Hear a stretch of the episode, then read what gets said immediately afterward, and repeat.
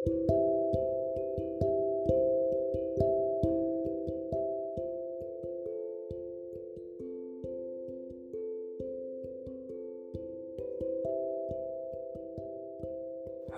selamat sore. Sore di hari Sabtu dengan seperti biasa Justin Bob di sini. Apa kabarnya semua? Hari ini gue akan ngebahas satu tema yang apa yang dipikirkan hari-hari ini. Judulnya tentang rasa.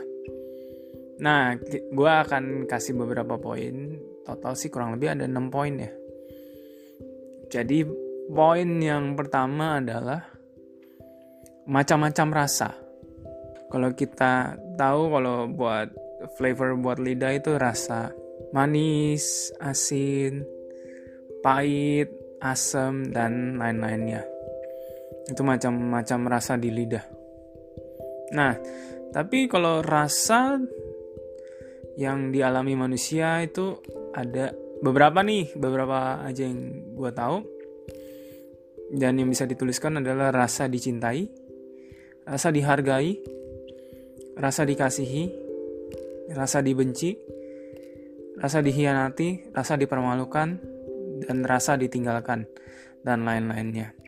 Nah, itu yang rasa yang di mana yang didapatkan dari orang lain. Apa yang orang lain lakukan ke kita. Tapi begitu pun bisa sebaliknya. Misalnya rasa mencintai. Nah, kita kan memberi itu. Rasa mencintai, rasa menghargai, mengasihi, dan lain-lain topik pertama ya kurang lebih poin pertama sorry bukan topik pertama cukup lah ya menarik ya berarti kita sudah siap ke poin selanjutnya nah ini lebih menarik nih mungkin kalau poin pertama kurang menarik ya karena prolog sih lebih prolog yang kedua adalah mengenang rasa nah mengenang rasa kenapa sih orang masih memikirkan tentang sesuatu yang sudah nggak ada atau bahkan yang sudah sangat lama tak ada. Misalnya, berbicara juga tentang pribadi, tempat, atau momen, atau yang lainnya. Nah, kenapa orang masih mengenang hal-hal yang seperti itu? Karena masih ada rasa yang tertinggal di sana. Jadi, kenapa orang masih mengenang rasa?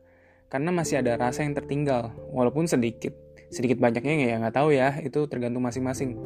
Contohnya, waktu ketika kita dibelikan barang yang kita pengen pertama kali sama orang tua kita sebagai reward pasti kita ingat banget tuh apa yang dibeliin, kenapa kita dibeliin gitu. Misalnya, wah kita achieve something, nah kita dikasih hadiah gitu. Gue inget dulu dibeliin, dibeliin bokap, waktu bokap pulang kerja dibeliin bola basket buat kita bertiga, buat dede sama buat koko gue gitu. Jadi kalau yang bisa dribble, ingat tuh waktu umur mungkin sekitar 7 tahun ya, bisa dribble dapat bola bola basket jadi mulai dari sono mulai senang main basket banyak hal deh bokap gue yang beri sebagai reward gitu nah waktu pertama kali bokap lu bilang bangga sama lu atau orang tua lu bilang bangga sama lu. Nah gue inget banget almarhum bokap dulu pernah. Iya terkesannya lebay ya dulu gue inget bokap bilang tentang gue sama temennya di depan temennya. Ya membanggakan anaknya sih. Waktu mungkin dulu waktu bokap masih ada gue ngerasa ngelebay. Gue rasa dia lebay. Tapi setelah bokap nggak ada gue baru tahu ternyata segitu bangganya dia sama sama kita. Dan itu mungkin harapan dari orang tua kita ke kita gitu. Pertama kali kita dianterin ke sekolah sama orang tua. Dulu gue inget tuh waktu TK pernah satu kali gue pulang nangis rumah sama sekolah itu jaraknya emang 200 meter ya. Jadi gue pulang waktu TK tuh gue inget dulu gue ya sekolahnya sih agak-agak gelo juga sih agak-agak gila. Karena dulu kita dicampur sama anak-anak anak-anak normal dicampur sama anak-anak yang berkebutuhan khusus. Waktu itu gue di kelas jadi saya anak berkebutuhan khusus ini gue inget banget namanya siapa. Namanya itu adalah inisial nama gue inget banget namanya siapa. Dia suka minta kertas gue gitu jadi suka minta minta minta. Eh satu kali gue nggak kasih. Karena buku gue udah mau habis kan. Karena minta kertas dia cuma buat diremek-remek terus dibuang. Ya namanya berkebutuhan khusus ya. Setelah itu dia kasih tau lah ke susternya. Susternya dengan gampangnya nabok gue nabok gue langsung gue pulang nangis. Nggak pakai ini nyokap gue langsung datang ke sekolah. Buset langsung digebukin tuh suster. Jadi tuh rasa pertama kali rasa dibela dibela sama nyokap. Nah di poin dua agak sedikit panjang ya. Sama rasa rasa pertama kali first kiss. Gue ceritain tentang pengalaman pertama kali gue first uh, pertama kali gue first kiss ya. Gue inget banget waktu itu kenaikan kelas dari SMP ke SMA ini nih pacar pacar pertama. Eh bukan pacar pertama sorry. Pacar yang kesekian lah tapi nggak pernah nggak pernah ini gue nggak pernah macem-macem. Jadi itu pas hari gue inget gue inget banget tanggalnya. Itu pas hari jadian. Oh nggak salah kita pergi nonton akhirnya. Dia bilang gila itu belum naik SMA aja. Dia bilang udah kalau lu bener serius sama gue lu datang ke sini. Gue inget di PV akhirnya oke okay, bener akhirnya gue diterima. Nah kita nonton tuh nonton. Terus tiba-tiba gue bilang boleh nggak boleh nggak aku cium gitu? Maksud hati itu sebenarnya cium pipi. Bener nggak bohong. Cium pipi.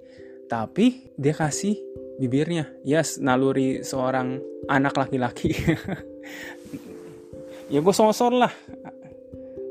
Ada ikan ya kucing dikasih ikan ya gue sosor. Gue inget banget tuh pengalaman ya gue sosor terus pengalaman first kiss itu yang gue nggak bisa lupa. Dengan siapa orang tersebut gue inget banget ketika itu gila badan gue langsung meleleh badan gue bener-bener kayak aduh kayak nggak punya tulang ya mungkin gue lebay tapi mungkin kalau ada teman-teman yang merasakan yang hal yang sama juga mungkin sama kayak gue jadi itu pengalaman-pengalaman yang tentang mengenang rasa Nah, poin yang ketiga adalah memilih rasa.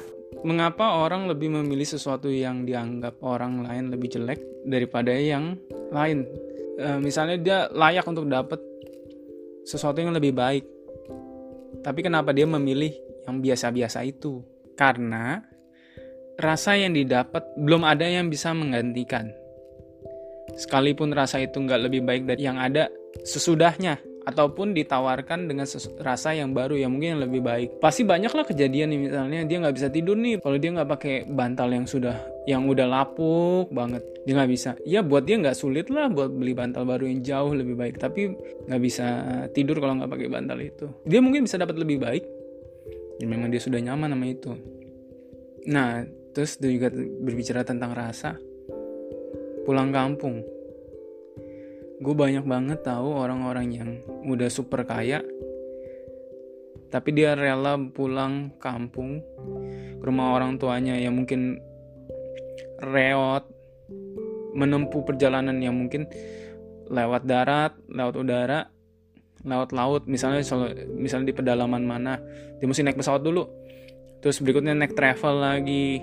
Terus untuk nyebrang ke pulau kecil dia mesti naik kapal lagi butuh mungkin satu hari. Tapi dia rela untuk melakukan itu karena memang ada rasa yang belum bisa digantikan dari tempat itu.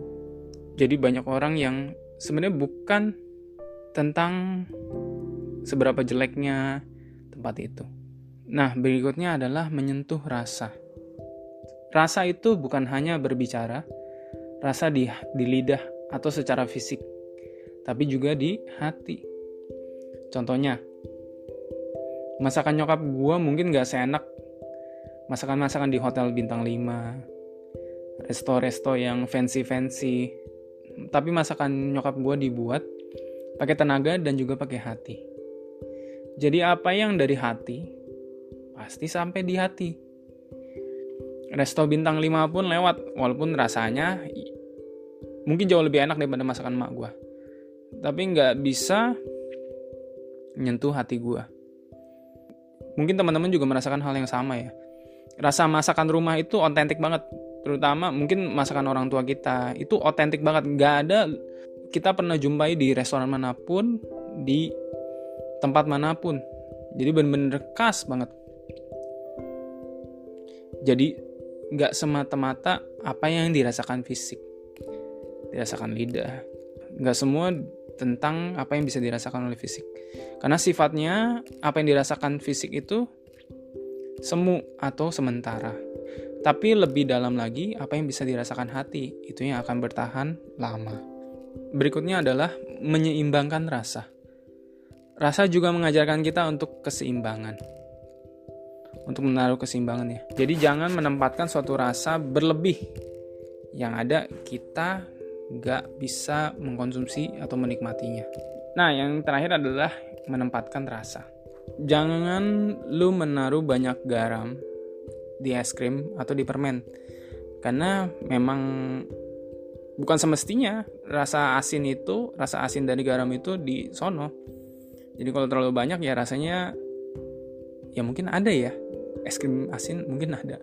Cuman memang nggak nggak supposed to be like that gitu. Atau jangan naruh banyak gula di sup atau soto karena bukan begitu seharusnya. Jadi, jangan menempatkan rasa secara berlebihan pada sesuatu yang nggak semestinya lu taruh di sana. Menaruh rasa di tempat yang salah, mau pribadi ataupun yang lain.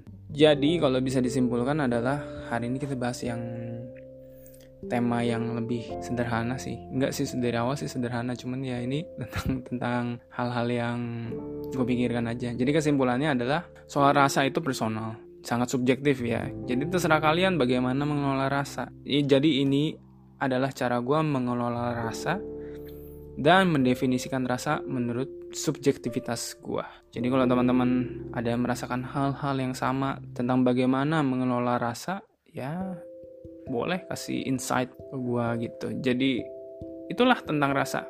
Lumayan panjang juga podcast kali ini.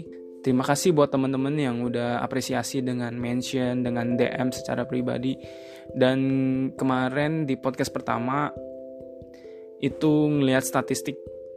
Karena kan kalau kita upload di Spotify itu dia kasih statistik. Ada yang yang dengar juga semakin variasi variatif ya, yang pendengarnya juga dari berbagai negara juga. Oke. Sampai jumpa lagi. God bless you.